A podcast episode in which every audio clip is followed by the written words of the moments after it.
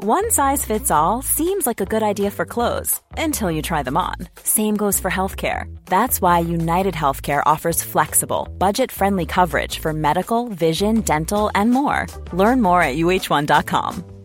Mom deserves the best, and there's no better place to shop for Mother's Day than Whole Foods Market. They're your destination for unbeatable savings, from premium gifts to show-stopping flowers and irresistible desserts. Start by saving 33% with Prime on all body care and candles. Then get a 15-stem bunch of tulips for just $9.99 each with Prime. Round out Mom's menu with festive rosé, irresistible berry chantilly cake, and more special treats. Come celebrate Mother's Day at Whole Foods Market.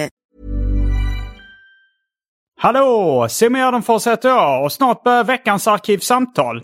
Vill du lyssna på en massa exklusiva bonusavsnitt av Arkivsamtal med bland annat David Liljemark plus en och en halv timme där jag pratar om NWA med PSTQ utöver gratistimmen som kom för ett tag sedan. Då surfar du in på patreon.com arkivsamtal och bidrar med valfritt antal dollar. Om du gillar den här podden och vill bidra till att den kan fortsätta produceras så kan du också swisha en slant till 0760 72 47 38. Swish-numret finns även i avsnittsbeskrivningen. Jag är jättetacksam till alla er som bidrar till podden. Som är schyssta och hjälper mig lite ekonomiskt. För att det är i stort sett de enda pengar jag får in nu för tiden. Tänk på det! Min och Anton Magnussons standup-turné Uppvigling och förledande av ungdom. Den drar igång igen om ett tag. Alla vårdatum är flyttade. Gå in och kolla de nya datumen på specialisterna.se. Vi kommer till 22 svenska orter till. Trots pandemin så är det slutsålt på många ställen så det kan finnas en poäng med att köpa biljetter redan nu. Vi kommer aldrig att ställa in utan i värsta fall flyttar vi datum som vi har fått göra redan nu. I Stockholm finns det till exempel bara, jag vet inte, 10 biljetter kvar skulle jag tro nu, nu vid det här tillfället. Till den 27 september på Scalateatern. Så de kommer ta slut snart. En sak till. Glöm inte att följa mig på Instagram. Där heter jag atgardenfors. Men nu kommer Arkivsamtal som klipps av min redaktör Marcus Blomgren. Mycket nöje!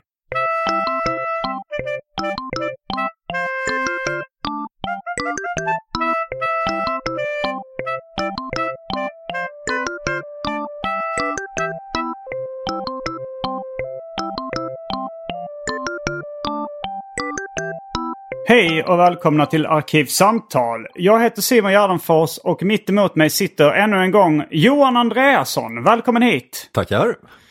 Nu har det blivit dags för Svensk seriehistoria del 3. Det stämmer och eh, jag kan väl förvarna känsliga lyssnare att det kommer bli ganska mycket amerikanskt eh, för att vara svensk seriehistoria den här gången. För att rent kronologiskt så var vi ju på 80-talet förra gången och egentligen inte så vansinnigt långt in i 80-talet tror jag. Jag tror vi kom till kanske 83, 84 någonting, men Galago är igång, Horsröder har precis dragit igång Epix och Pox, DNs gästserie är igång. Och då tänker jag att liksom den här vågen av alternativserier som, som liksom är 80-talet, den bara ångar på i ungefär eh, tio år. Det, det tar ett stopp vi snackar om svenska. Ja, det, det svenska. Mm. Och, och det, det, det, den svenska serieutgivningen får någon sorts eh, knäck i början på 90-talet. Det kommer ju en lågkonjunktur där och eh, någonstans i mitten på 90-talet så börjar ju liksom det här digitala samhället komma. Att folk blir uppkopplade mot internet och får, alla får fler tv-kanaler än de eh, har tid att, att titta på. Så det, det, blir liksom en period där Horst lägger ju ner sina tidningar, jag tror 93. Galago fortsätter ju i och för sig, men, men det är en ganska oinspirerad period för dem. Så att för, för mitt minne av 90-talet när det gäller serier är att det är en sådär lite vilsen period. Att folk liksom, eh, ja, det finns inte så mycket läsare, man vet inte riktigt, det finns ingen riktig riktning på saker och ting. Alltså en sak som händer är att Ingemar Bengtsson startar optimal press. Men det, det är på ganska låg fart i början. Han kom ju inte igång på riktigt förrän framåt slutet på 90-talet. Och mot slutet på 90-talet så börjar det ju återigen bli någon sorts riktning på serien. Att då, då kommer ju de här tecknarna som gör självbiografiska serier. Jag tänker på Mats Jonsson, Daniel Ahlgren, Martin Kellerman, vad heter, Åsa, vänta nu. Åsa Grönvall. Ja, just det, fast man skulle Ja, hon- säga, nu, det är inte Grönvall längre, det var därför jag Ah, har hon bytt namn? Det har jag missat. Ja, hon till, vad heter hennes man nu igen i efternamn?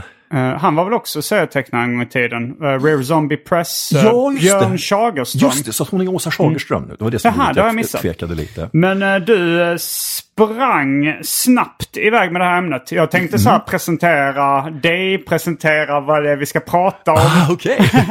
Men eh, det, det är ett gott tecken att du är självgående som, Ja, ja. Som informatör och underhållare. ja. Men eh, det är alltså, du heter Johan Andreasson. Du Mm. är mm, serieskapare eller före detta serieskapare. ja, det kan man väl säga. Mm. För att när, när, när jag säger att serierna fick någon sorts, det tog stopp på något sätt i mitten på 90-talet, så Mm. då, då, då är det ganska mycket min, mina egna erfarenheter jag talar om. Att jag tecknade min, med, med ytterst, ytterst få undantag så tecknade jag min sista serie 94. Okej. Och sen så har jag ju så att säga varit Och det var verksam. Python då eller? Nej, det var faktiskt ett album som Horst Schröder gav ut som hette Den enda vägen. Mm. Eh, som var någon sorts satiralbum om valet 94. Det är det som det så lätt att komma ihåg. Att det gavs ut på hösten eh, i samband med valrörelsen. Det låter ödesmättat att Ja. den sista serien hette Den enda Ja. vägen är att sluta med serien. Ja, fast det har jag, alltså jag, jag slutade teckna serier Ja, för att jag har ju översatt och Ja, varit redaktör och sådär. Det är jag ju fortfarande. Ja. Men det är alltså den tredje Mm. delen av, eh, ni som eh, är nya lyssnare, ni kan lyssna på del 1 och del 2. Det, vi brukar köra 10 veckors ungefär eh, eh, mellanrum mellan de här återkommande serierna inom Arkivsamtal. Japp. Jag har börjat, påbörjat en om svensk hiphop också. Eh, men eh, apropå det att du är väldigt självgående. Så måste jag nu när jag har ordet ja. berätta att det blivit dags för det omåttligt populära inslaget Välj drycken. ja, trevligt.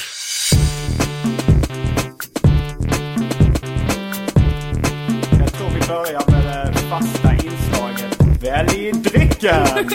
det har vi missat en gång i alla fall. Ja, en gång och det Mm. vill man ju ogärna missa igen. Men eh, då är alternativen eh, hostmedicin med kodeinhalt, Eh, Fanta Zero, Three Hearts Indian Tonic Water, Heinz tomatketchup, sherry, häxblandningen, det vill säga alla drycker som fanns i min eh, kyl innan jag genomgick en så kallad corporate rebranding. Finns pulverkaffe också och eh, vatten som står och småputtrar. Och för trasmå Och för trådsmala... Nej, och för tråkmånsar och nejsägare vatten. Jag tycker sherry lät lite lockande. Ja, men det, det, det tycker jag också låter, det känns mysigt. Ja, precis. Det är ju lite mörkt här. Ju, Ja. det är ju nedsläckt för filminspelning och, Ja, och min flickvän håller på att spela en, en kortfilm i mitt sovrum. Ja, det, Så hon har stylat det med lite, lamp, med lite röda lampor och ja, i form av katten Nisse. Ja, hon hittade en av mina gamla katten Nisse-plastfigurer. I, i, den är ganska stor. Det är nog en eh, mynt, vad säger man, en spargris. Ah, ja, ja. eh, I hårdplast. Som eh, hon har lyst upp med en röd lampa. Okej, ja, men det, det kräver en sherry. Ja. då, vi, eh, då tar jag också det. Och kanske en side order av Fanta Zero. Men vill du ha någon side order? Kan ta lite vatten. Okej. Ja. Då är vi strax tillbaka med dryckerna kända från det omåttligt populära inslaget Välj drycken. Häng med!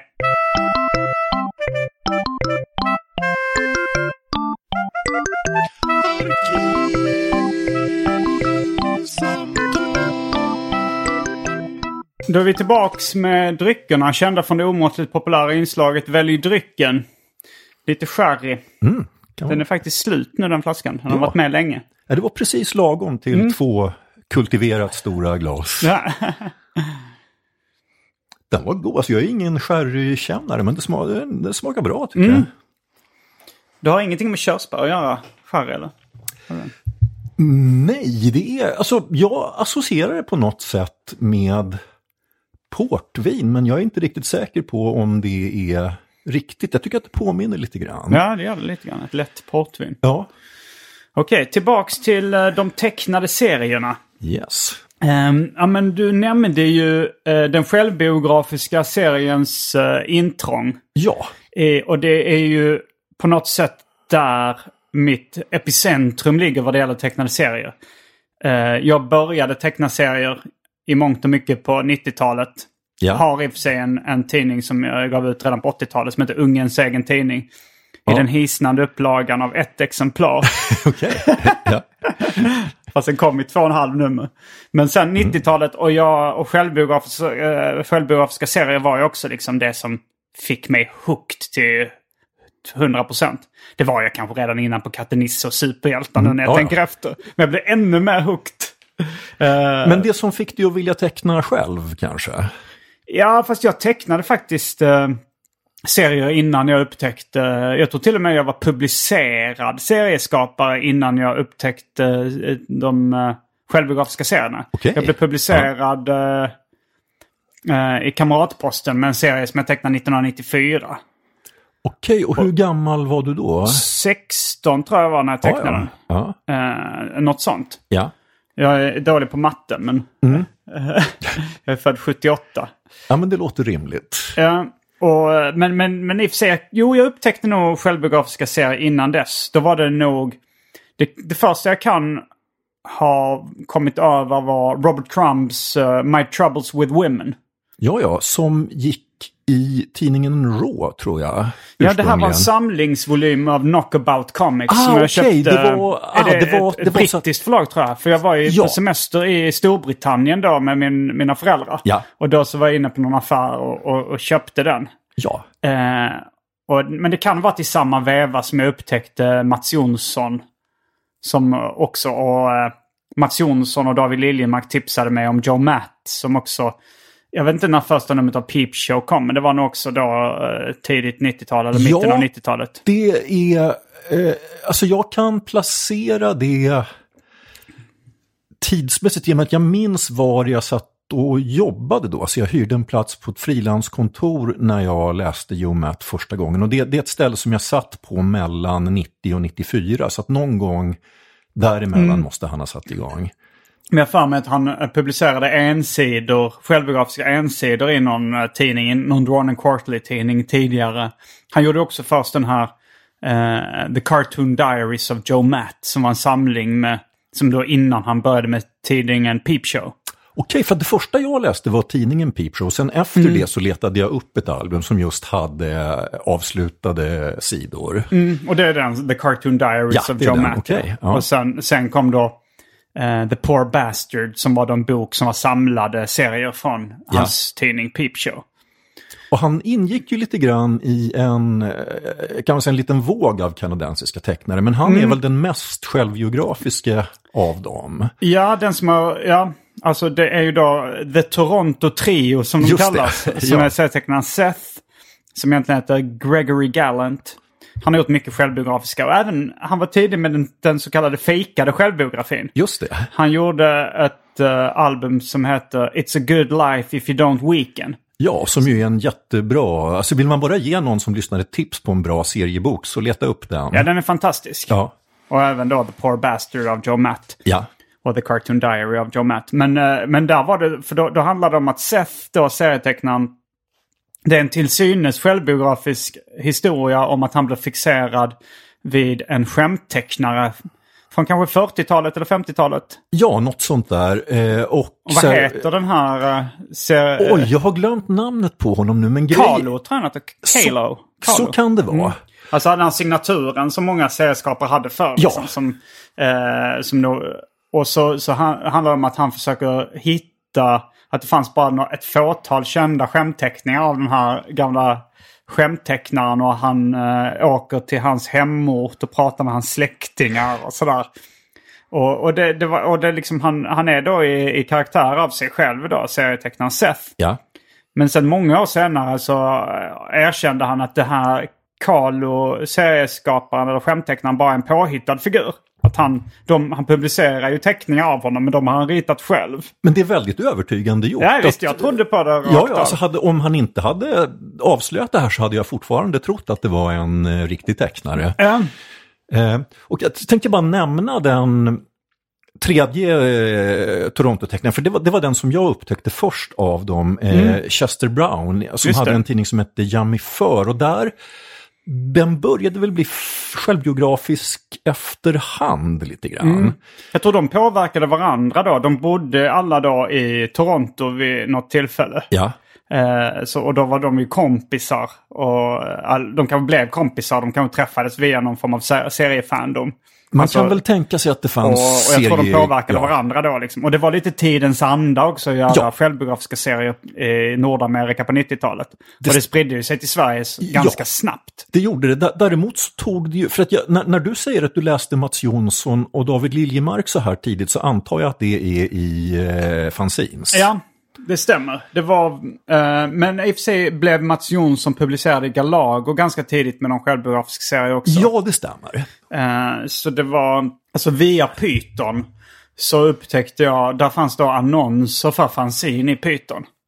Och då började jag beställa de fanzinen på postorder från David Liljemark och Ja. Ulf Johansson. Och ett, försökte be- beställa från Mats Jonsson. Eh, han skickade aldrig någon tidning. Eh, vilket jag har tagit upp med honom i vuxen ålder. Okej. Och jag, och jag, jag, han känns inte lik, riktigt lika organiserad som David Liljemark och, och andra OCD-patienter i seriefandom. Så jag, jag kan tänka mig att han bara fick någon postgirobeställning, glömde bort det. Ja, ja. Men jag fick tag på Mats Jonssons serie långt innan då eh, han släppte sitt debutalbum som Ja. var Ung- Unga norrlänningar. Ja, för det, det minns jag ganska väl. För att Mats och jag jobbade på samma förlag. Vi, vi, vi var båda, eller Mats var nog anställd och jag var så pass det här var jag, när jag jobbade med eh, Svenska Mad och Mats var väl redaktör tror jag för tidningen Larsson. Han var även Python-redaktör. jag. Just, det kan han kanske. Och Megapython. För det var ju Ja, där Mega- Mega- jag Megapython. började ju som Ja. hans eh, assistent kan man väl säga. Och Ja. sen, eh, sen tog jag över då som redaktör. Okej, ska se. det låter som någon är på väg in. Eller? Nej, det är nog posten som är ah, på väg är in. posten, okej. Ah, i- då behöver vi inte avbryta oss. Ja. Det är en väldigt smal person som är på väg in genom ja, brevinkastet. den är från Adlibris. Ah, då är det nog... eh, jag gissar på att det är en bok eh, om Ghetto Boys. Okej. Det är lite eh, coming soon in, Ah. i- in arkivsamtal. Ja, för jag hörde NWA-avsnittet, det var Ja. väldigt kul. Så, eh, Ja, kände du till den? Det blev sen tidigare. Alltså jag, jag känner, jag, jag vet ju att de har funnits, men jag- alltså, jag kände väl igen någon låt, men det, det är så att säga ingenting jag lyssnar på. Men han, killen du intervjuade var så rolig att lyssna på, så det blev intressant på grund av det, alltså på grund av att han var så engagerad. Ja, det är ofta så när entusiasmen smittar av sig. Ja, Som jag hoppas att den gör även när vi pratar om smala alternativserier. Ja. Men för att just när, när vi är inne på, på Python, att där, för den här, när alltså, så att säga, den självbiografiska serien kommer i Sverige, det kommer ju så att säga från lite olika håll. Att dels så finns ju de här som börjar i eh, fanzinsvängen. Och, ja, det är väl i och för sig lite grann samma tecknare, men, men även tidningen Megapyton som ju först då för att Python, det var ju så att säga, det, det är inte alls en självbiografisk serietidning, utan det, det var väl kan man säga en lite grövre version av, eh, eh, av Mad. Alltså det är en, liksom en humortidning med ganska grova och, och plumpa skämt. Eh, och det gick rätt bra för den och det kom fram, det var ju, eh, det, inte, det var inte så många tidningar som publicerade svenska serier så det kom ju in väldigt mycket bidrag och då, då drog man igång en, jag kan man säga sidotidning då, kanske lite grann för att prova nya förmågor. En spin-off. Ja, en spin-off. Och, och den fick ju sen ett eget liv och en egen inriktning när den blev väldigt mycket som en, som en amerikansk alternativtidning från Ja. 90-talet. Och jag bara förutsätter att det var du som var ganska med, att du medverkade helt till att ge, ge den den inriktningen. Det var ganska, eh, jag skulle säga att eh, det var Mats Jonsson när han blev redaktör för eh, Python och Megapython. Ja. Så fattade han då ett medvetet beslut att göra om Megapython till eh, eh, ja, men Best of svensk fanzine Ja. serieutgivning och det bästa från då amerikanska eh, alternativserierna. Ja, Så jag, han, n- sen, och, och jag var ju då fanzintecknare då. Och, men Mats Jonsson, han var även när, när det, det var Atlantic Förlags AB som ni jobbade på tillsammans först. Ja. Men sen när Egmont köpte Atlantic Förlags AB då blev eh, Mats Jonsson då lite, eh, jag tror inte han gillade det riktigt. Det var, han tyckte inte de skötte det så snyggt och så. Men Nej. han jobbade kvar ett tag. Eh, och, då, och då frågade han mig ifall jag ville ta över hans jobb. Ja. Så det var då jag flyttade till Stockholm i samband med det. Det här var millennieskiftet. Ja, för jag tänkte liksom- säga att det måste väl ha varit där, alltså på Egmonts redaktion som vi träffades första Ja, gången. det För var att nog. Egmont köpte ju Egmont köpte ju alla Atlantics serietidningar och då, då blev vi liksom som en, en liten redaktion som kom från Atlantic som de satte ja, i ett eget eh, hörn där på, eh, på, På ovanvåningen. Ja, just det. Ja, det låg vid Stureplan då. Ja, det stämmer. Och var, var det ett gammalt häststall i huset? Det var väldigt underligt i alla fall. Det var väldigt svårt att få varmt också, jag något minne av. Ja, det var väldigt varmt på sommaren och väldigt Ja, och kallt, väldigt kallt på vintern. Lite New York-känsla. Jo.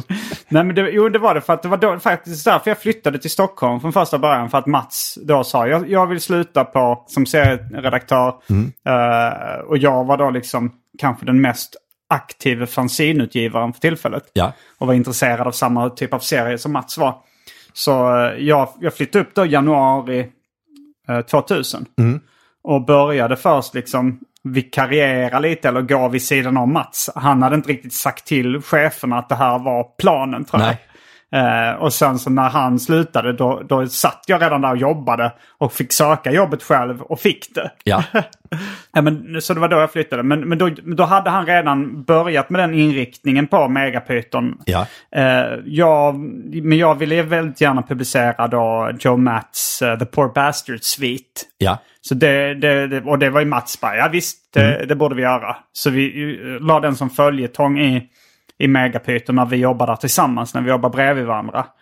Eh, och vi, han hade redan börjat publicera Peter Bagg, Just det. eh, Hate då.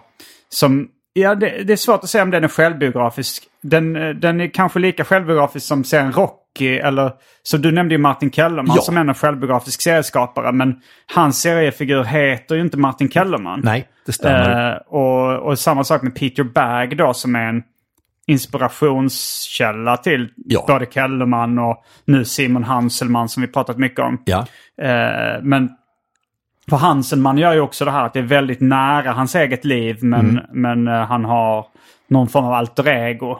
Ja. Som Kellerman har också. Kellermans Rocky ligger väldigt nära Martin Kellerman själv. Ja. Men inte 100 procent. Och det, det kan man ju inte säga att... eh, Det gör ju inte Seth heller. Det gör ju ingen, kan ju vara 100 procent. Nej, och alltså, av alla de här tecknarna som du nämnde nu så skulle jag väl ändå säga att Peter Bagg är den minst självbiografiska. Alltså han, han har väl i och för sig gjort självbiografiska serier men men Bud- Buddy Bradley är ju inte Peter Bagg. Nej men han har väl sagt att han själv, att det, när han själv flyttade till Seattle under någon period Ja. eller något sånt där. Att, och att det är ganska likt då Buddy Bradley när han flyttar till...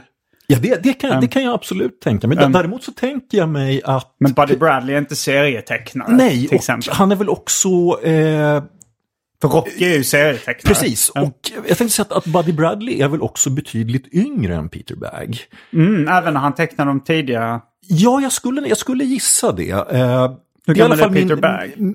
Han är född på min, jag ska, dra, jag ska dra till alltså sent 50-tal kanske. Det stavas Peter Bagge för er som vill googla det. och han är nu då, han är ett par år äldre än jag, vilket betyder att han är lite över 60 nu. Så att, alltså min, min känsla med Peter Bagg var alltid, alltså faktiskt lite grann som när Chuck Berry gjorde sina rocklåtar, för han var ju också så att säga lite äldre än de andra, att man känner att det är någon som, alltså det är ju liksom, det känns väldigt äkta och sådär, men det är ändå lite grann någon som skildrar det utifrån och med en viss distans. Medan det som kännetecknar så att säga självbiografiska serier, det är att de är ofta just att de är väldigt, väldigt nära eh, tecknaren och att det också kan ligga, det varierar i och för sig väldigt mycket från tecknare till tecknare, men att det kan också ligga ganska nära i tiden. Jag vet, jag vet inte riktigt, du känner ju Kellerman bättre än vad jag gör, men är det så att har han ungefär ett halvårs, eller hade, han tecknar ju inte längre, men jag, vet inte riktigt vad hans så att säga, tidsavstånd var till de händelserna han skildrade. Jag tror det kunde vara ganska nära inpå. Ja, För han skrev, han gjorde ju det som eh, dagstripp i, först Ja. i Metro, sen i Aftonbladet, sen i DN. Ja. Men, eh, men det, det var nog lite olika, men det var nog ofta rätt nära inpå. ja, Och Hanselman som är, ja men jag skulle nog säga självbiografiskt mellan Kellerman och Peter Bagg. ja, Han är ju, nu har ju han börjat teckna, han började teckna eh, serier om coronakrisen. Mm. Eh, det var ju direkt på i stort sett. Okej. Så, Och det publiceras då på Instagram Ja. direkt. Men, eh, men, men, eh, ja, men det, frågan är liksom, för att det är också Fredrik Jonsson eh, som har varit gäst i den här podden och som är redaktör för Lystring Förlags AB. Det är Mats Jonssons kusin. Ja. Och han har alltid varit en väldigt eh, insatt och liksom söker upp eh, smala grejer. Jag tror det var han som liksom introducerade då eh, de här självbiografiska amerikanska serierna för både Mats Jonsson och David Liljemark. Det, skulle jag kunna tänka. Alltså, man man kan väl lite grann säga att Fredrik är sin generations eh, Horst Schröder. Ja, kanske det. Jag, jag, jag pratade med, jag, jag gör ju lite småjobb till, eh, till Fredriks tidning, Det, det grymma svärdet. Alltså jag, jag textar eh, en del av de här serierna som han ger ut. Så vi, vi träffades eh, häromdagen var det och pratade och då, då sa Fredrik att ja, men vi, vi som ger ut översatta serier idag i Sverige, det är ju jag och Horst Schröder, för att Horst är ju fortfarande aktiv. Mm, förutom Egmont som gör ut uh, Kalanka. Ja, de- ja, det är klart. Eh, han, han, utan Alltså, Fredrik tänker ju om de alternativ. översatt- Vilket språk skrivs Kalanka på i Sverige idag till, alltså på originalspråk? För det är ju en europeisk produkt väl? Ja, alltså min, min gissning i och med att det är så internationellt är att de kommunicerar på engelska, men jag, Mm. jag vet inte. Nej. Eh, Ja, men ja, jo, och sen om man går till mainstream-seriehyllorna så är, lär ju, ja men Knasen finns väl kvar, eller? Ja, det gör det nog faktiskt. Det, det, fin, det finns ju faktiskt några... det- Alltså det, det, det, Mainstream-serier. Ja, alltså det, det, det är lätt, det är lätt att liksom hamna i det resonemanget att, att det knappt finns några serietidningar längre och, och, och det gör det ju faktiskt även om det är så oerhört mycket färre än när, när, vi eh, växte upp och var i serie, serieläsande Ja. Så att, så att för folk som oss är det som att det inte finns några serietidningar i butikerna. Ja, längre. men det har varit intressant att se en lista på vilka serietidningar som ges ut Ja. nu och hur många nummer på, per år de kommer med och sånt. För Mm. Jag kollar ibland i serieställen med på matvarubutiker. Det är väl, ja, men, men eh, Kalanka och Bamse verkar finnas kvar. Ja, Fantomen, Fantomen också. är jag ganska säker på att den finns. Ja, och, men den tillverkas i Sverige idag. Ja, det skulle jag säga. Alltså, Så det den är inte en översatt serie. det sättet. Ja, men det är ju säkert så att de har en del tecknare som sitter på annat håll i världen och jobbar. Eh, däremot kan jag tänka mig att för redaktionen är ju i Sverige och de som skriver lär väl finnas i Sverige, de flesta också. Ja, nej men eh, tillbaks till 90-talet. Ja, alltså det vi, inte, eller det vi nämnde bara i förbigående, och det, det är någonting som händer då jag minns inte exakt när Ingmar Bengtsson startar Optimal, men det, det måste väl vara typ 92, 93 någonting kanske, när de första albumen kommer. Men det Vilka känns var den första optimalalbumen? Var det Ulv i fårakläder? Ja, det var det första, en Det antologi. var ett samlingsalbum där bland annat David Liljemark, Daniel Ja. Ahlgren. Jag vet inte vilka mer som var med där men. Säkert många av Åke de här... Forsmark. Ja, gudar, det är så länge Alltså det här är så länge sedan, det kan faktiskt till och med vara 80-tal slår det mig nu. Det kan vara 89 eller någonting. Det kan För- men mycket- jag, jag ja. kommer ihåg jag liksom hängde mycket i serieaffärer i, alltså i Pocket i Lund. Ja, Eh, då när jag var liksom runt 12-13. ja. Och kollade vad som fanns liksom. Och då såg man lite Crumb och, och jag kommer ihåg när Ulv i fårakläder dök upp. Och Mm. Ja. liksom, man kunde ju hitta Python, Pox, Epix, Mm. Galago. Ja, Eh, och sådär. Och, och, och det var ju, alltså de, Optimal, de hade ju så här, det var ju lite mer närmare amatörserier. ja alltså den kom ju verkligen för när, när- du säger att Megapython var en Best of fanzine så var det väl nästan ännu mer så med Optimal. Att det, Mm. det känns ju som att det som Ingemar gav ut kom så att säga direkt från eh, fanzinrörelsen. Han startade väl tillsammans med Mikael Tegebjer. Ja, just det. Det stämmer. Eh, Eh, men det, det som jag så att säga, för det tog väl lite grann också, det tog väl några år för dem att liksom hitta en inriktning på förlaget. För det, det som jag så att säga tänker på som optimalserie, det, det är ju just sånt som ja, David Liljemarks tidiga album, Åsa Gränvalls tidiga album. Daniel Ahlgren. Dan, ja, och Daniel Ahlgren, det kom väl 93 tror jag, hans första album. Och det är väl någonstans där som unga norrlänningar kommer också tror jag. Ja, det kommer också där runt millennieskiftet. Och när kom David Liljemarks debut? Det måste ju vara väldigt i de krokarna Ja, också, kanske det. något lite tidigare. 97 kanske. Ja, någonting. men, eh, men David var inte speciellt självbiografisk i sitt debutalbum. Nej, det stämmer, det kom senare. Även om omslaget är en självbiografisk skämtteckning. Ja. och sen, sen kan man ju ibland eh, lite grann klumpa ihop så att säga realistiska serier med, med självbiografiska. För att Anneli, Anneli Furmark är ju, som jag uppfattar det, egentligen inte självbiografisk. Men det, det är så pass så att säga realistiska historier. Att, att de ändå de passade ju väldigt bra så att säga in i det som, som eh, Optimal gav ut på den tiden. Ja, och förmodligen är det ju plockat från hennes liv ungefär på samma sätt som Rocky. Alltså om man ser någon historia om någon sån här teatergrupp eller någonting så, Ja, det så känns det som att eh, det här är någonting hon har upplevt. Man Ja. tänker att eh, det här är inte taget ur luften Nej, nej. för fem öre. Det stämmer. Men man får ju det, Mm. det finns ju sånt in- intryck man kan få. Men man kan också bli lurad som då med Seth till exempel. Absolut. Eh, och eh, Chester Brown var du på väg att säga någonting om här för mig. Alltså du sa Ja, det, det Toronto han- Trio. Han eh, så att säga gled väl sakta in på självbiografi. Att det första... Mm. Han har glidit in och ut ur det. Just det, så kan det lite. nog vara. Jag, jag har inte hängt med så mycket på senare år i det han gjort, utan jag minns mest... Han de- gjorde ett, eh, ett Mm. album nyligen, eller nyligen, det var ett tag sedan, men där han propagerar för prostitution. Det är du- lite känsligt Ja. eh, just eh, i det här läget. Men eh, den heter Paying for it. Ja, jag, har- jag, har, jag är medveten om att boken finns, jag har inte läst den. Mm. Ja, jag har läst den. Den Ja. är intressant kan man Okej. säga. Men han Ja. är en väldigt eh, eh, konstig person med liksom... Alltså Mm. både Seth och Joe Matt säger ju att Chester Brown har djup Aspergers. Okej. och då är de själva ganska konstiga. Eh, Det är liksom börjar med någon introduktion av Seth, Mm. det albumet där, eh, där han liksom, Seth berättar så här, men ja, det, det är någonting fel på Chester, Okej. säger han. Liksom. Därför att jag tycker nog att det är nog fortfarande Alltså jag minns ju så väldigt väl när jag upptäckte de här tidningarna, för de, de är ju otroligt speciella, hans... Eh, Chester Browns. ja, Chester Brown, alltså just de här... Alltså jag tycker ju om hans självbiografiska serier också, men, men just de här när han... Det var som man bara hittade någonting liksom inne i sig som... Han hade någon period som, när, när liksom bara sprutade ur så här superbisarra idéer. Och liksom infallen kom... Alltså man bara häpnade. Var det under Yummy Fur-perioden? Ja, För jag upptäckte honom via albumen I Never Liked You och The Ja. Playboy. Som var Och då det hans är väl självbiografiska, Ja, historier. Det är De två självbiografiska ja. album. Mm.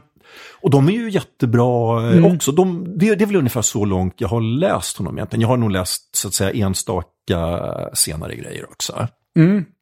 Ja, nej, men jag uppskattade nog, eh, alltså Joe Matt nummer ett, eh, Seth nummer två, Chester Brown. Men då är det ju mest liksom ur självbiografiska. Ja, serieperspektivet. Ja. Jag var inte, han, han var ju mer surrealistisk, så Ja. Chester Brown. Ja, Eh, far out. ja verkligen, verkligen. Men eh, ska vi försöka koppla ett litet grepp om eh, den självbiografiska seriens historia? Ja, därför att nu, jag förknippar ju den väldigt mycket med amerikansk underground och senare då amerikanska alternativserier.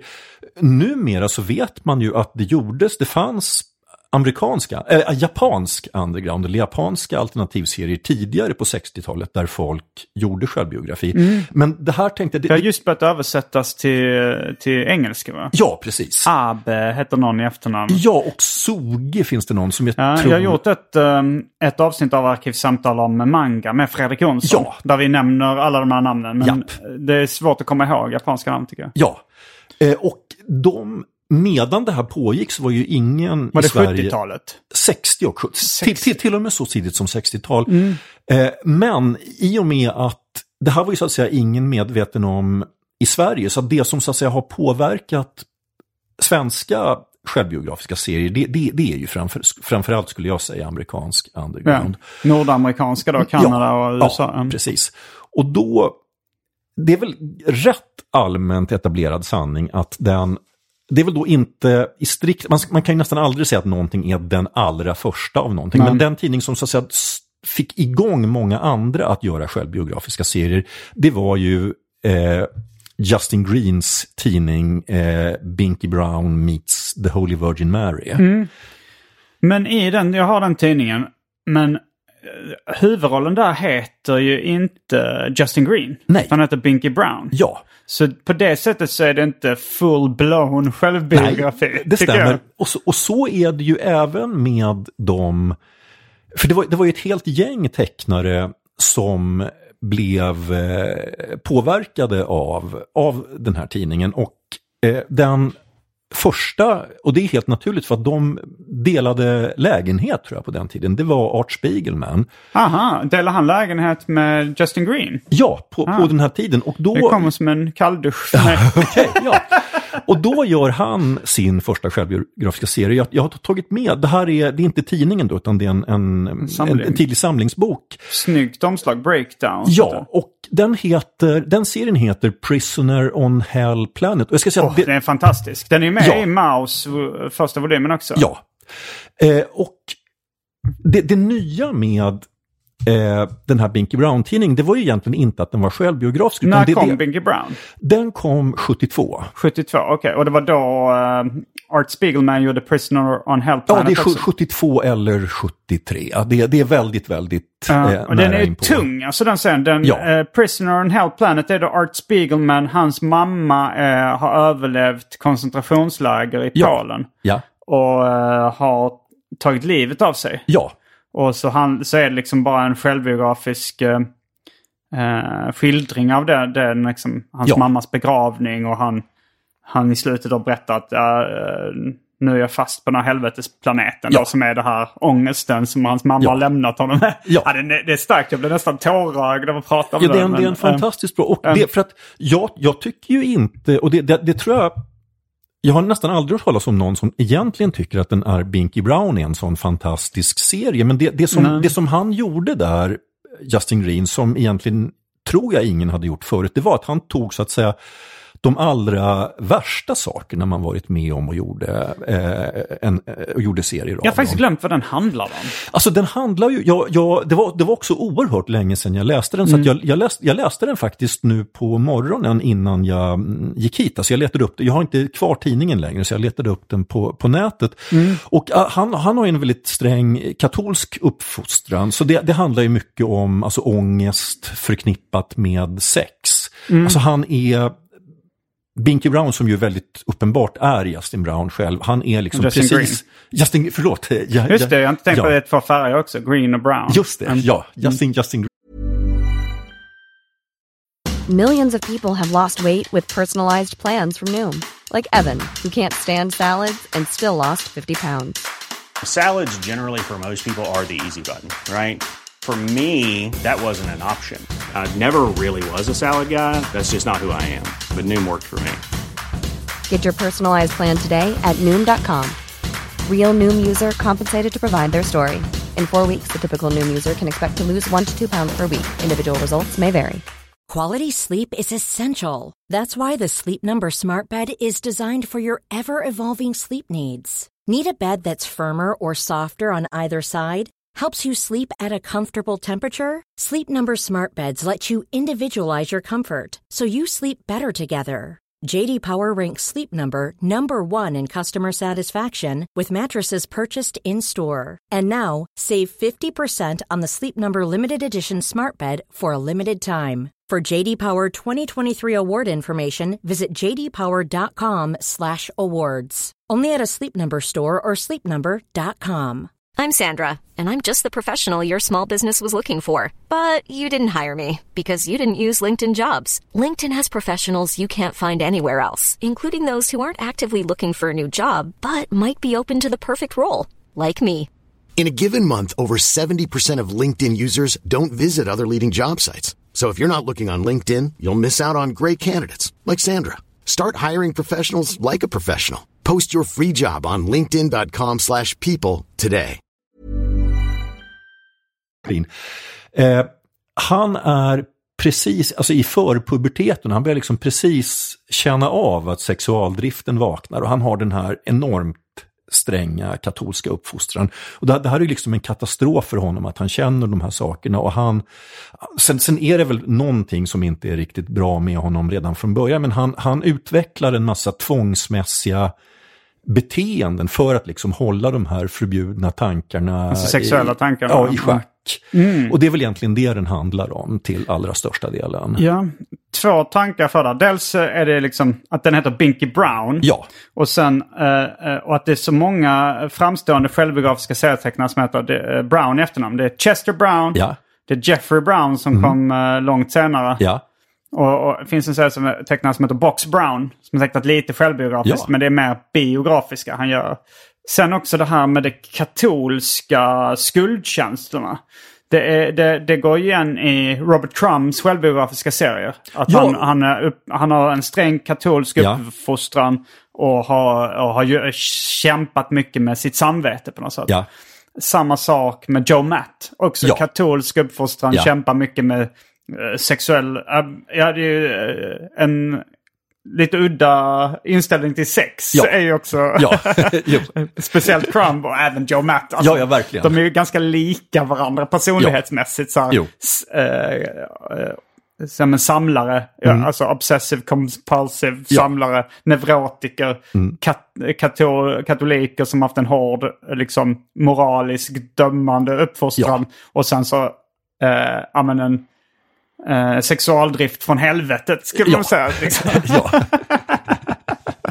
ja. Men alltså ska vi tala religiös bakgrund så mm. finns det väl så att säga två starka riktningar inom den självbiografiska serien. Och det, det ena är de här så att säga med den katolska mm. uppfostran och den andra är eh, de som har en, en judisk mm. bakgrund.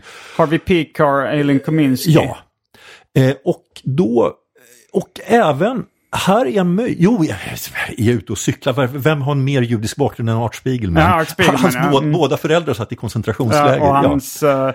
Uh, man, han har gjort, enligt vissa, den första serieromanen då, Maus, mm. som är också ja, delvis självbiografisk, men som han... handlar om hans pappas uh, tid i koncentrationsläger. Ja, det stämmer. Och för att, så att säga nästa sak, och det hände Alltså den som så att säga snabbast blev påverkad av, av Justin Green, det var mm. ju då hans lägenhetskompis Art Spiegelman. Men väldigt, väldigt, en, en som verkligen tog intryck av den här tidningen, det var ju också Elin Kominski. Hon, mm. Jag lyssnade på en eh, intervju, jag, jag letade upp en, en eh, podd som hade en ganska lång intervju med henne och där säger hon att hon flyttade till och med till San Francisco för att söka upp Justin Green. Och liksom, mm. da, uh, för Istället hon, träffa en Crumb. Ja, det stämmer. uh, och hon, uh, och precis som Justin Green, så att hon heter ju inte Aline i serien, hon kallar sig för The Bunch. Men de är ju Honey väl... Bunch Kominsky. Ja, och alltså det är ju då en Crumb figur, Honey Bunch Kominsky. Ja, ja just det. Var, ja, hon kallade sig för The Bunch bara ja. ja. Och han hade en figur som hette Honey Bunch Kominsky ja. och hon hette Aileen Kominsky. Ja.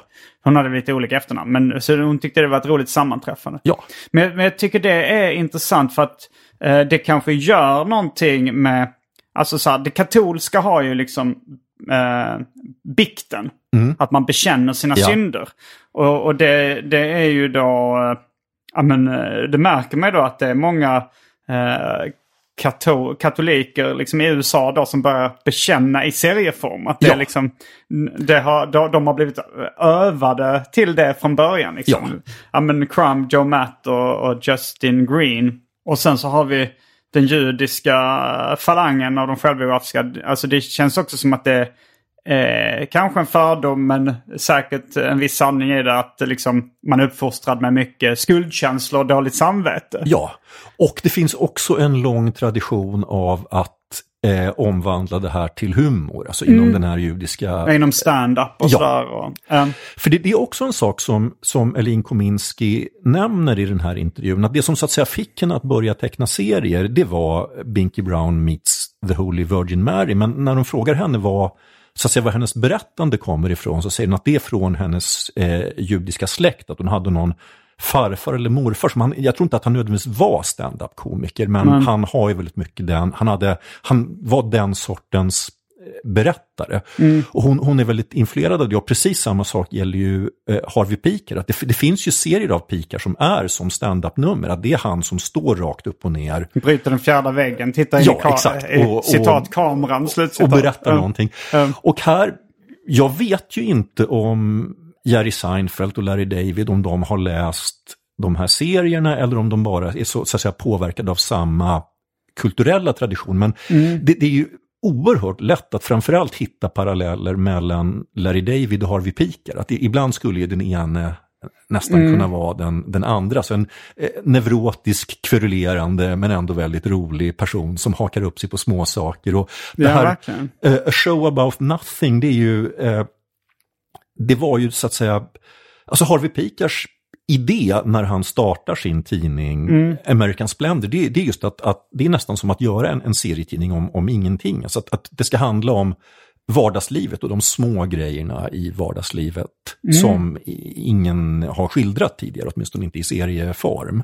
Ja, och han, på ett sätt för att uh, Aileen Kominski var, alltså Justin Green, han kallar inte sin seriefigur för Justin Green. Nej, Aileen Kominski kallar inte sin seriefigur i början i alla fall för Nej. Aileen Kominski. Senare gjorde hon det. Mm. Eh, men eh, Harvey Pekar, han kallar ju sin figur för Harvey Pekar. Han, han kallar honom väldigt snart för Harvey. A- Alldeles i början. Jag, jag tog till och med med det första numret av American Splendor. Mm. Det, det ligger någonstans. Och där kallar han sig ibland för, i, ibland kallar han sig bara för Our Man. Ibland heter han Hörsel och ibland så heter han jag tror att han ibland kallar sig för Jack the Bellboy som tydligen är någon gammal jazz-DJ. Mm.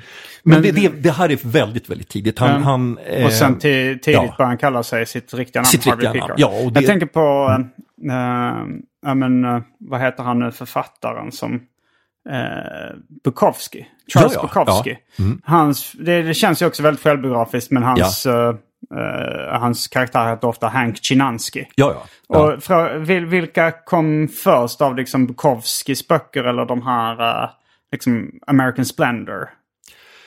Eh, jag kan inte Bukowski så bra, men jag Mm. föreställer för att American Splendor började ges ut 76 och, och Bukowski måste väl ha varit igång tidigare än så. Mm. För det kan ju, skulle ju eventuellt kunna vara en uh, inspiration. För det är också rätt mycket så här confessional comedy i Ja. Charles Bukowskis böcker. Och Har- Harvey Piker är ju eh, dels en, en stor grej för honom är att han, han är jazzdiggare och han gillar ju också beatförfattarna som Ja, jag ja. antar måste ha varit en inspiration för Bukowski också. Ja, jo. Eh, Jo, i och för sig. Jo, beat-litteraturen var ju också tidigt självbiografisk. Eller på det där sättet. Jag vet inte om eh, På väg, som den heter, On the Road. ja. Eh, om den eh, karaktären heter väl inte samma sak som författaren. Nej, det tror jag heller. inte. Och det bygger väl dessutom också på en kompis till Kerouac mer än honom själv egentligen tror jag. Ja, jo. Eh, men men, men det, är, det är lite i samma anda. Ja, det, är- det är väldigt mycket samma anda. Men, men jag tänker på, bara av ren nyfikenhet, kan du hitta någon tidigare än Harvey Pekar som gör självbiografiska serier? Nu tecknar inte Harvey Pekar, han lät andra liksom, renteckna, han tecknar väl bildmanus med streckgubbar. Eh, han var ju mest manusförfattare. Mm. Ja, Men- alltså Pr- Prisoner on Hell Planet, Just det. det. det är ju... Han, het, han har väl, använder väl sitt eget namn, Art Spiegelman, där. Det är jag ganska säker Jo, på. jo jag tror, tror liksom hans mamma skriker RD Ja. eller Art. Um, så där, och där, är- jo, där är det liksom, han säger jag har varit med om det här. Ja. Och i Maus så liksom är det också så här, min, min pappa eh, hit, ko- jag, Ja. den publicerades i någon underground-tidning Ja. men hans, hans pappa kom över den och, Ja. och fick ett sam, nervsammanbrott när han läste den. Och sen finns det ju, alltså tidigare, det är inte så att jag kommer på några namn nu, men det, det finns ju folk som har gjort, alltså säg uppväxtskildringar i serieform där de använt sitt eget namn och sådär. Men, men det, det är ändå en lite annans, det, det, det är betydligt liksom mildare, alltså betydligt mer liksom vanliga uppväxthistorier, att de går, går inte in liksom på de här tra traumatiska. Vilka, har du något exempel på någon sån Nej, alltså, jag, namnen, jag bara gjorde, läste på lite hastigt och så. Det var, det var ingenting som kändes liksom jätteintressant. Utan, så att min, så att säga, historieskrivning börjar med eh, Justin Green. Det finns ju no några sådana inslag också i liksom gamla serier.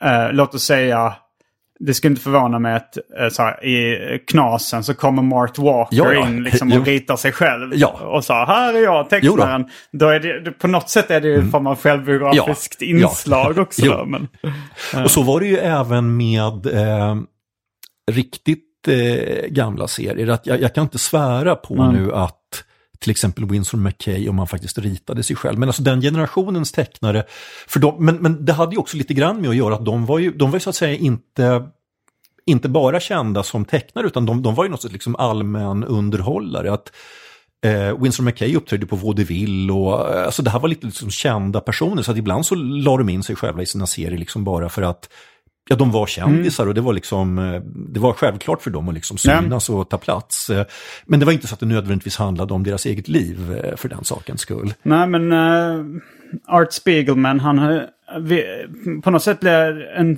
hjälte på många sätt då, om han liksom han började, var en av de första, eventuellt först med den typen av självbiografiska serier. Han var eventuellt först med att göra en serieroman. Och han var med och skapade Garbage Pail Kids. Ja, ja. Det är tre stora, ja. stora gärningar Ja, för populärkulturen. Och han, han, alltså Spiegelmans Mouse har ju också blivit en sån här bok att om man liksom bara för jag menar, säg om det kommer någon liksom vanlig person som gillar att läsa romaner och frågar, men du, du som har läst mycket serier, vad, vad ska jag läsa för något? Då, i, I mitt fall, jag, jag brukar numera använda den här eh, Alison Bechtels eh, Fun Home. Ja, den är jättebra. Ja. Också självbiografisk. Också självbiografiskt. Men jag tror att det finns tre böcker som kommer upp i sådana. Och det ena är Spiegelmans Maus, det andra är Bechtels Fan Home och den tredje tror jag är Marianne Satrappes Persepolis. En sån där Mm, som också många- självbiografisk. Också Tre självbiografiska. självbiografiska. Ja, så att, så att jag, jag tror att de, de Och då är självbiografiska... du inte en självbiografisk eh, seriekramare först och främst. Alltså jag, jag är en självbiografisk seriekramare men inte en, självbiografisk serietecknare. Men, Nej, okej. men som, som läsare har jag alltid gillat Okej, självbiografi. Och jag var ju tidigt, för alltså, alltså parallellt med att jag har tecknat serier så har jag också eh, skrivit om serier. Och faktiskt en av de in, det här är inte den allra första, men alltså 83, då är jag 22, så översatte jag och skrev en presentationsartikel om Alin Kominski till seriefrämjandets tidning eh, Bild och Bubbla. Och det var, det var inte den första artikeln jag skrev, men det var en av de första. Så att hon var ju verkligen en av mina favorittecknare redan på den tiden. Okej. mm. Och alltså, det här var ju också väldigt roligt för att hon då, det här är då 82 eller 83, och då har ju hon varit igång i tio år, men, men det här är ju så att säga fortfarande även i USA så liksom väldigt mycket under radarn så att hon blev ju jätteglad när någon hörde av sig från Sverige. Så jag liksom fick brev tillbaka och hon gick med, hon och, hon, hon och Trump levde ju tillsammans. De, så att de hade någon granne, de bodde i norra Kalifornien, som kunde svenska. Så hade, som skrev att jag tog med artikeln till en granne att det, det var en trevlig artikel och sådär. Så jag blev liksom enormt glad över Ja, det. Ja, men hon, hennes eh, tecknarstil har ju varit rätt inflytelserik också. För Ja, att, ja, för att hon, är, hon är inte liksom, eh, det ser inte så proffsigt ut. Nej. Det, det är mer liksom, det ser naivistiskt ut nästan. Ja. Eh, och det, det gav lite samma effekt tror jag som när punkmusiken slog igenom. Att folk kände så här att okej, jag är Mm. inte, jag kan, jag kan inte liksom spela perfekta skalor men Nej. man kan köra i alla fall. Ja.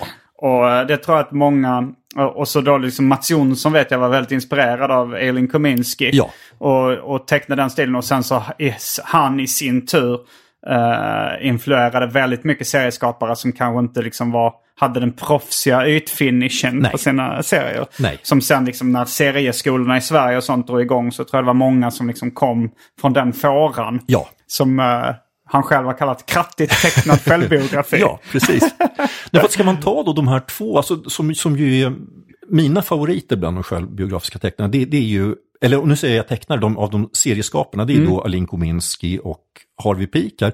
Och av dem så har ju, Harvey Pikar har ju så att säga, det står, hans Ja, han, han har en mycket, mycket större produktion. Han, han skrev ju, han, han var ju bara manusförfattare eh, och arbetade med eh, många olika tecknare. Och han, han gjorde ju det här från, han började 72 att skriva manus, han började med sin egen tidning 76.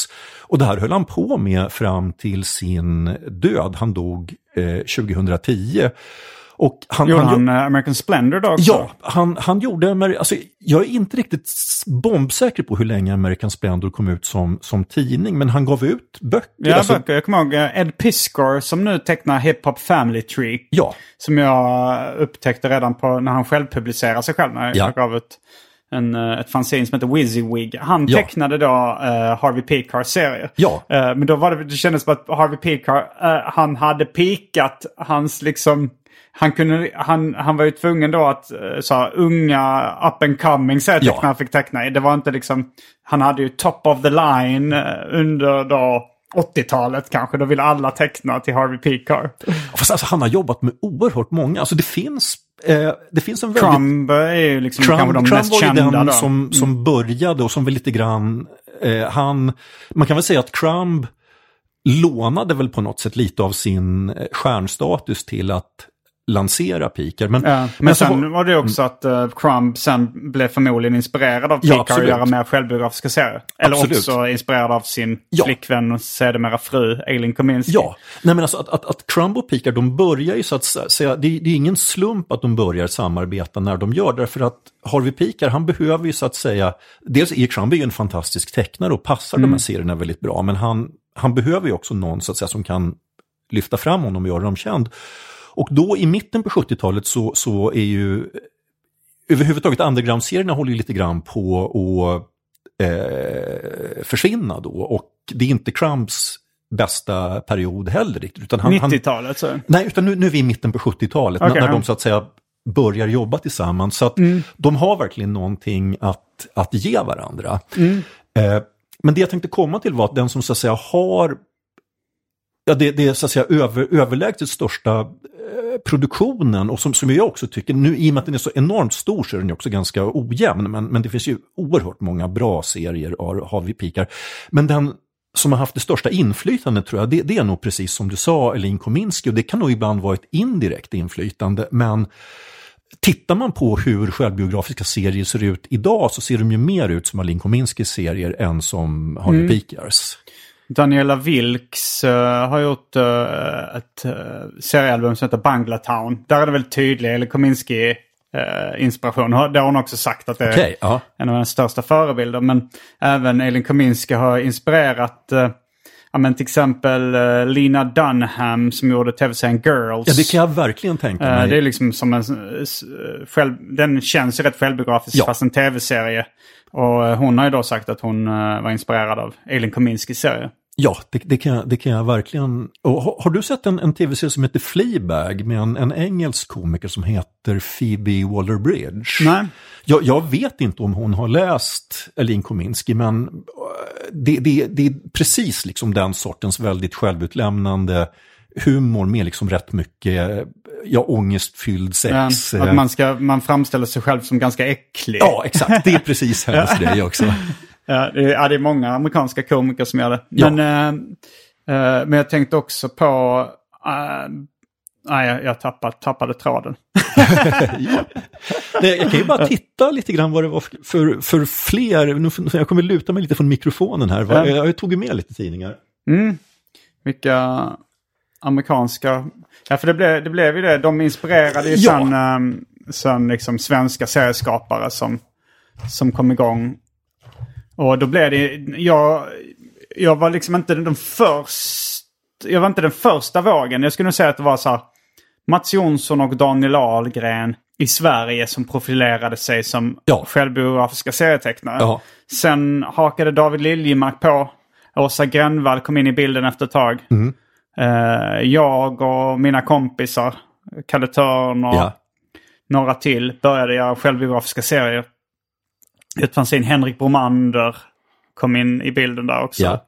Jo, det, det, det jag skulle säga när jag tappade tråden var att jag kunde rekommendera filmen American Splendor. Mm. Ja, verkligen. Som handlar om Harvey Pickard. Det är liksom en spelfilm som, eh, eh, som är väldigt underhållande. Ja, och alltså den är ju gjord på ett väldigt fascinerande sätt. Han hade ju en oerhörd eh, tur med att han hittade precis rätt personer som, som gjorde den här filmen. För de, de som gör filmen, de var från början eh, dokumentärfilmare.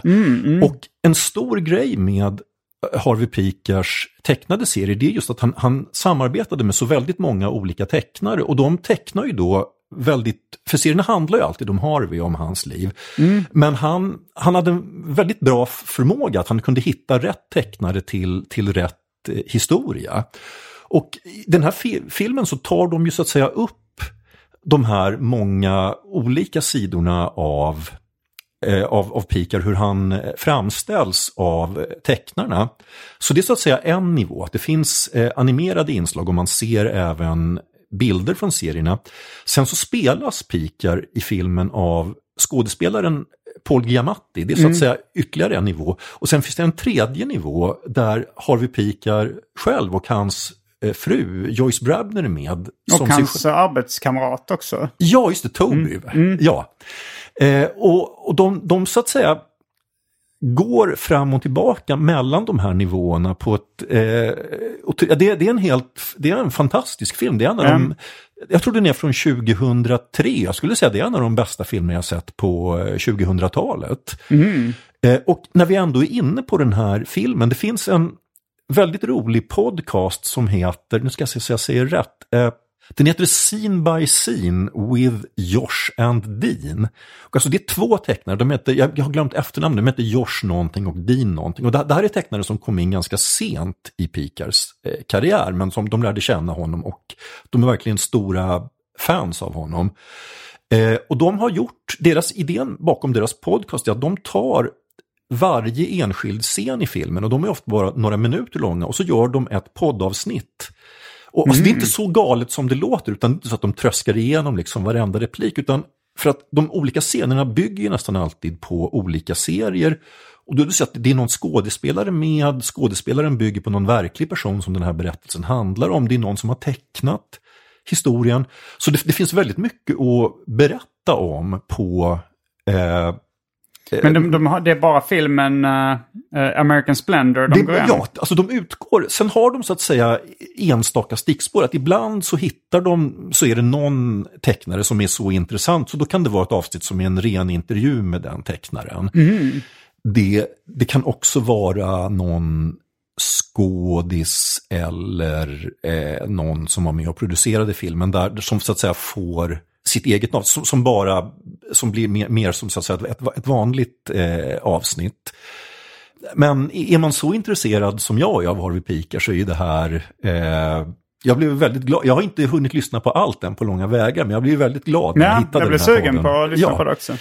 Eh, Vad var det förresten för pris? Det var något stort uh, bokpris som Maus vann. Eh, Pulitzerpriset. Var det, ja, Pulitzerpriset. Ja. ja, det är ju kanske det mest, eh, ett av de, förutom Nobelpriset, ja, kanske så det, är verkligen mest ett, ett av de. Allra, allra tyngsta. Ja. ja. Men jag tänkte, jag tog ju med lite tidningar här, för jag, jag tänkte bara så, göra liksom som någon sorts historieskrivning då. Jag, hur, hur, har, har, vi tid kvar förresten? Har jag tid med en utvikning? Um, inte jättemycket, det, på mm. fem minuter kanske. Eh, Eller vill du spara det till nästa avsnitt? Vi, för det, vi, mm. det, vi har liksom det här är oändligt med tid vi ja. kan prata om det här. Så att eh, kör, kör i fem minuter och sen slutar mm. vi med en av Europas många cliffhangers. Och okay. vänt, får man vänta tio veckor tills man får höra fortsättningen. Ja. Eh, så jag bara om... håller upp ett finger när du måste börja runda av. Okej, okay, ja. Nej, men om man gör någon sorts släktträd så så, har vi, så börjar vi då, då om, om roten är Binky Brown meets The Holy Virgin Mary så kommer ju sen då de här grenarna som är Spiegelmans Breakdown och eh, Aline Kominskis eh, tidiga serier. Och de här båda grenarna de, de går ju liksom sen vidare och skapar varsin serietidning som båda blir väldigt inflytelserika på 80-talet. Att Spiegelman skapar tidningen Raw. Mm. Och den är ju, man ska säga, den är liksom väldigt seriös, väldigt sober, experimentell. Alltså, alltså, verkligen artsy. Mm. Medan eh, Elin Kominski och Robert Crumb och även Peter Bagg, de är ju tre redaktörer för tidningen, mm. de som turas om där. Eh, Weirdo. Skapar tidningen Weirdo som är så att säga det är ju också amerikansk underground, men, men den är ju liksom ful och stökig och... Den är mer pang på rödbetan. Exakt, så, så det är liksom de två. Sen är det ju så att det, till viss del så är det ju samma tecknare som är med, men de, de kör ju ändå så att säga de här två ganska eh, skilda. Men, men alltså, Om man jämför med Sverige så skulle Ja. det vara Galago och Megapyton. Ja, lite grann. Fast det, ja, det är ganska stor skillnad. Ja. Men eh, har du läst boken The Weirdo Ye- Years? Det Eh, kom nej. nyligen en bok om uh, tidskriften Weird. Jag har inte hunnit läsa den heller, men den verkar Nej, väldigt utan spännande. det, det, det lilla jag hann med inför det här var att jag lyssnade på en podd just där författaren, jag, jag lyssnade på den författarens ganska långa intervju med Alin Kominski. Så att det här är absolut en bok som jag kommer att läsa, men det här var vad jag hann med Ja. eh, just nu. Jag, Fredrik Jonsson och Pontus Lundqvist var över i Köpenhamn där vi fick se då Elin Kominski och Robert Trump eh, hålla föredrag på eh, Louisiana litteraturfestival. Ja, vad kul. Jag föreställer mig att Kominski är väldigt mycket mer pratsam än Crumb. Ja, Trump, han har fått en del social träning genom åren. Han är Okej. inte så inåtvänd längre. Så, men jo, men hon är mer pratig Mm. Ja. än, än Robert Crumb. Men ja, det, var, det var väldigt roligt att höra. Men eh, ja, men då, vi kanske ska börja runda av lite då. Och eh, jag tycker vi fortsätter. Vi börjar lite med Raw och Weirdo kanske nästa gång. Och, och ännu mer om svenska självbiografiska serier. Och sen tar, det, tar vi det lite vidare. Ja, precis. Det blir väldigt hoppigt. Och, men, eh, Ja, det blir det. Men, men, men som sagt, för att de, de svenska självbiografiska serierna, de kommer ju så att säga igång på allvar. För nu, nu har vi så att säga tagit, ja, om man säger liksom eh, genre, hela självbiografiska genren ungefär från 70-talet och till slutet på 90-talet. Men de, de svenska självbiografiska serierna, det kickar ju igång egentligen på allvar under 00-talet kan man väl säga. Och den, jag skulle säga att... Jag vet inte om jag har missuppfattat någonting, men är inte det den rådande trenden fortfarande? Alltså man tänker så här Moa Romanovas uh, Aldrig fucka upp och Psycho Girl av Agnes Jakobsson och eh, i och för sig, jo det kom ju någon politisk satirtrend där Ja. med då Liv Strömquist, Sara Granér, Nanna Johansson och sånt Ja. som Som Eh, också är en ganska stark trend. mm, det är också en stark trend. Och eh, innehåller ibland självbiografiska inslag. Ja, det stämmer. Men, eh, men ja, det är ett senare kapitel. Ja, För det var allt för den här veckans avsnitt av Arkivsamtal. Jag heter Simon Gärdenfors. jag heter Johan Andreasson. Fullbordat samtal.